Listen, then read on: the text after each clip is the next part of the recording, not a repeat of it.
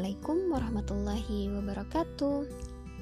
Halo listeners, gimana nih kabar teman-teman semua? Semoga kita dalam keadaan sehat ya. Nah, di podcast kita kali ini, aku gak sendiri nih.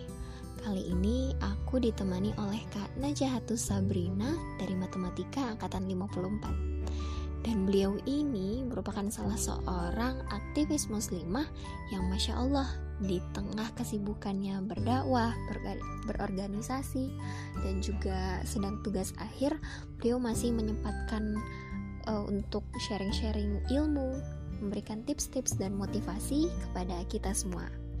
Nah, mungkin kita langsung simak aja ya. Silakan Kak Sabrina. Baik, bismillahirrahmanirrahim. Assalamualaikum teman-teman semuanya. Salam kenal, aku Sabrina. Insya Allah kali ini mau sharing-sharing tentang ilmu. Nah, eh, seperti yang kita tahu bahwa Islam adalah agama yang sempurna Bukan hanya agama yang mengatur masalah ibadah mahdoh saja Sholat saja, puasa saja, haji, zakat, dan sebagainya. Namun, Islam juga mengatur masalah pendidikan, ekonomi, pertahanan dan keamanan, dan lain-lain. Nah, ngomong-ngomong tentang pendidikan dalam Islam, pasti bersangkutan dong sama ilmu. Mungkin sebagian besar kita sudah tahu bahwa ilmu pengetahuan dan agama itu nggak bisa dipisahkan. Ya, kita ingat-ingat Ayat pertama yang turun adalah surat Al-Alaq ayat 1 sampai 5 di mana ayat pertama bunyinya Iqra bismi rabbikal ladzi khalaq. Bacalah dengan menyebut nama Tuhanmu yang menciptakan. Nah, membaca itu kan bagian dari menuntut ilmu. Maka banyak banget sebenarnya ayat-ayat dan hadis yang menyebutkan betapa pentingnya ilmu bagi seorang muslim. Sebagai seorang muslim kita tahu bahwa kita hidup itu untuk mempersiapkan kehidupan setelah kematian. Dan itu butuh ilmu. Kita mau ngapa-ngapain butuh ilmu, mau sholat butuh ilmu, mau wudhu butuh ilmu, mau baca Quran butuh ilmu, dan ngapa-ngapain ujung-ujungnya ilmu. Nah, adapun menuntut ilmu bagi seorang muslim, hukumnya wajib ya teman-teman. Nah, pertama tadi ya, uh, seorang muslim itu wajib menuntut ilmu, kita ngapa-ngapain butuh ilmu. Nah, ilmu apa sih yang harus dipelajari? Yang penting banget bagi seorang muslim itu ilmu agama tentunya. Karena ketika kita sudah bersyahadat, berarti ada konsekuensi untuk taat, tunduk, takwa kepada Allah Subhanahu wa taala. Dan untuk takwa itu kita menjalankan kewajiban-kewajiban yang telah ditetapkan dan menjauhi larangan-larangan. Nah, itu pun butuh ilmu.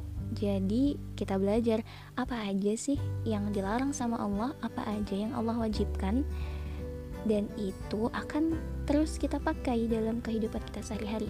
Maka, menuntut ilmu agama adalah fardu ain. Adapun ilmu yang lain, uh, seperti sains, teknologi, dan sebagainya, itu fardu kifayah. Jadi, misalnya kita minatnya di bidang kesehatan, maka itu adalah kewajiban kita. Yang lain nggak wajib untuk mendalam itu. Semua ada porsinya masing-masing. Nah, namun sayangnya ya kenyataan pada saat ini sistem yang diterapkan memaksa kita untuk hmm, secara tidak langsung ya menjauhi agama dari kehidupan atau istilahnya itu sekuler agama dijauhkan dari ilmu pengetahuan. Di ranah-ranah diskusi udah nggak usah bawa-bawa agama ya. Kita diskusi di sini. Uh, padahal seperti yang udah kita bahas tadi, Islam itu agama yang sempurna mencakup seluruh aspek kehidupan dan Allah memerintahkan kita udkhulu fisil mikafah. Masuklah ke dalam Islam secara keseluruhan. Jadi kita nggak bisa ngambil satu ayat meninggalkan ayat yang lain. Nah, di dalam sistem kapitalisme sekuler ini, orang-orang didorong untuk meraih materi sebanyak-banyaknya. Jadi tolak ukur kebahagiaan orang itu dilihat dari materi. Oh hartanya banyak kita bahagia. Jabatannya tinggi kita bahagia. Dan lain-lain yang semisalnya. Namun jangan sampai hal ini mengenai jiwa-jiwa kaum muslimin. Karena orientasi utama kita adalah ridho Allah. Tolak ukur kebahagiaan kita adalah ridho Allah. Maka dalam setiap perjalanan proses menuntut ilmu selalu niatkan karena Allah dan jangan lupa ada satu lagi selain niat yaitu cara yang benar agar tercipta satu keutuhan yaitu ihsanul amal sebaik-baiknya amal Gimana nih cara-caranya? Ya mengikuti apa yang sudah diperintahkan oleh Allah dan Rasulnya. Oh, e, belajar itu ternyata ada adab-adabnya loh. Jangan sampai kita itu menghalalkan segala cara demi mendapatkan ilmu. Ya, misalnya aja mencontek nih tugas saya siapa yang masih suka nyontek tugas temennya. Kurang-kurangin ya. Karena Allah itu kan melihatnya proses. Ketika kita berusaha meskipun uh, hasilnya kurang memuaskan berarti kita diminta untuk lebih serius lagi nah Allah tuh nggak melihat hasilnya Allah melihat proses kita itu bagaimana jangan sampai dari proses itu kita kotori dengan noda-noda kecurangan dengan noda-noda mencontek gitu Nauzubillahi min syari dzalik.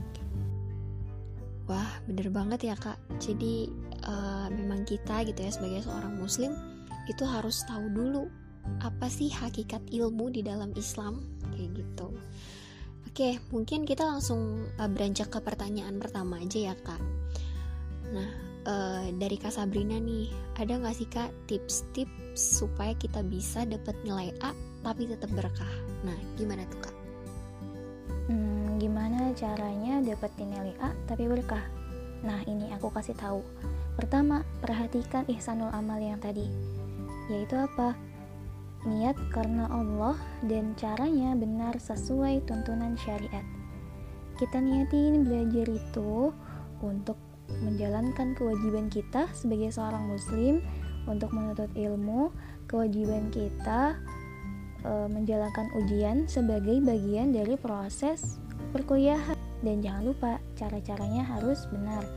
Jangan menghalalkan segala cara demi mendapatkan nilai yang bagus. Jangan sampai ijazah kita dikotori dengan kecurangan kita, IP kita dikotori dengan hasil orang, lain, bukan hasil kita. Nauzubillah ya. Yang kedua juga tentunya kita harus tetap berikhtiar sebisa kita. Hmm, ngomong-ngomong tentang ikhtiar, kita kan diperintahkan untuk berusaha semampu kita.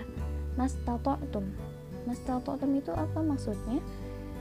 semampu kita sampai titik di mana kita itu benar-benar tidak berdaya.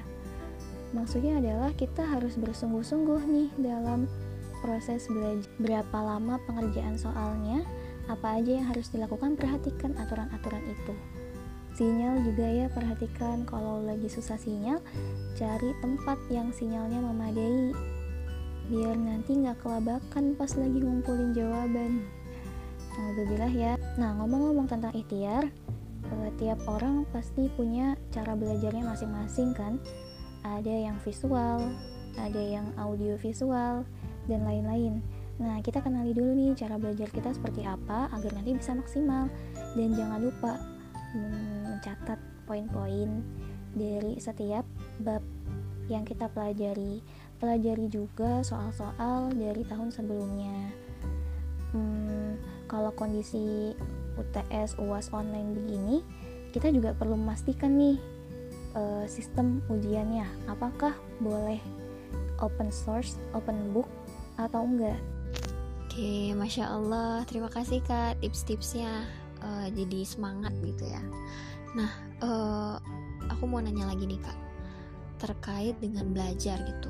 Terkadang kan ada orang yang emang apa sih habis-habisan gitu belajar. Bener-bener kayak ya siang malam belajar gitu. Tapi ujung-ujungnya nilai tetap kecil gitu tetap jeblok. Nah kalau menurut pandangan Kak Sabrina gimana tuh Kak cara kita menyikapinya gimana kalau misalnya kita sudah belajar mati-matian tapi nilainya jeblok juga nah di sinilah peran kita meyakini ketetapan dari Allah, kodok dari Allah.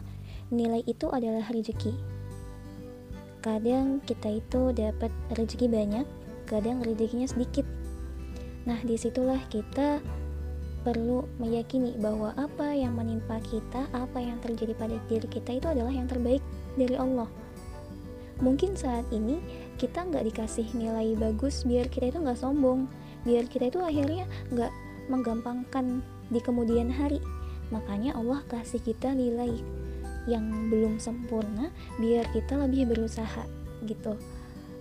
Yang kedua kita evaluasi kira-kira apa ya yang menyebabkan uh, nilai kita itu tidak sempurna nilai kita itu jeblok apa benar kita udah mati-matian belajar? Nyatanya selama ini masih terus sistem kebut semalam. Tapi ngakunya sudah belajar mati-matian.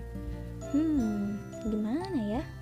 Dan perlu diingat juga bahwa Allah itu tidak melihat dari hasil kita, tapi Allah menilai kita dari proses yang kita lakukan. Maka berbaik-baiklah dalam menjalankan proses itu. Jangan nodai proses belajar kita dengan hal-hal yang tidak dibenarkan. Wah, mantap-mantap. Memang benar ya bahwa hasil itu tidak akan mengkhianati proses. Nah, e, pertanyaan terakhir nih kak uh, biasanya kan kalau misalnya mahasiswa itu ya nggak cuma mahasiswa sih biasanya siswa juga kayak gitu. Habis ujian tuh biasanya rasanya penat gitu suntuk gitu. Uh, nah akhirnya ada keinginan tuh untuk refreshing setelah ujian. Nah uh, salah satu fenomena yang biasa ditemukan itu adalah uh, movie maraton kayak gitu seharian dari pagi sampai tengah malam atau main game seharian kayak gitu karena saking ibaratnya kayak balas dendam setelah uh, penatnya ujian kayak gitu. Nah, uh, menurut pandangan kakak terkait fenomena tersebut tuh gimana sih kak?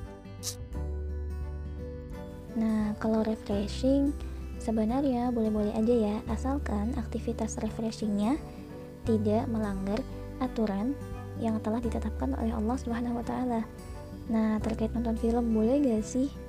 Ya, nonton film mah sebenarnya boleh mubah. Nah, tapi di sini kita juga perlu perhatikan film apa yang kita tonton. Apakah ada manfaatnya? Apakah tontonan itu membawa kita kepada arah yang lebih baik atau justru mempertontonkan kemaksiatan? Nah, di sini nih kita perlu selektif ya. Jangan sampai kita itu menjadi lalai karena terlalu sering menonton bahkan sampai edik.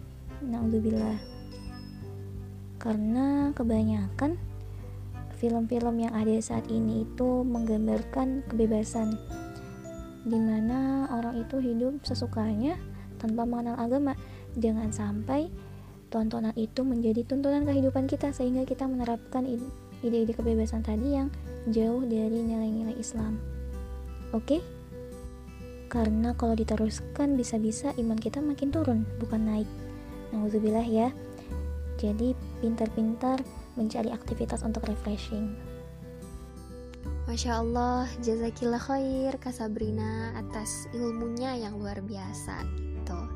Nah mungkin untuk uh, terakhir nih Kak, mungkin uh, boleh nih Kak closing statementnya nih dari Kak Sabrina atau mungkin uh, apa ya penyemangat gitu kak buat kita yang sedang sama-sama menuntut ilmu.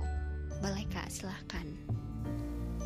Ada suatu quotes yang mengatakan bahwa hidupnya seorang pemuda adalah dengan ilmu dan takwa.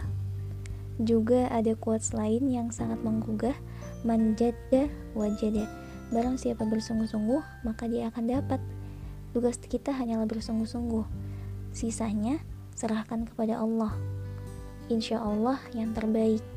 Semangat terus, niatkan karena Allah. Semoga Allah berikan hasil terbaik untuk kita. Amin.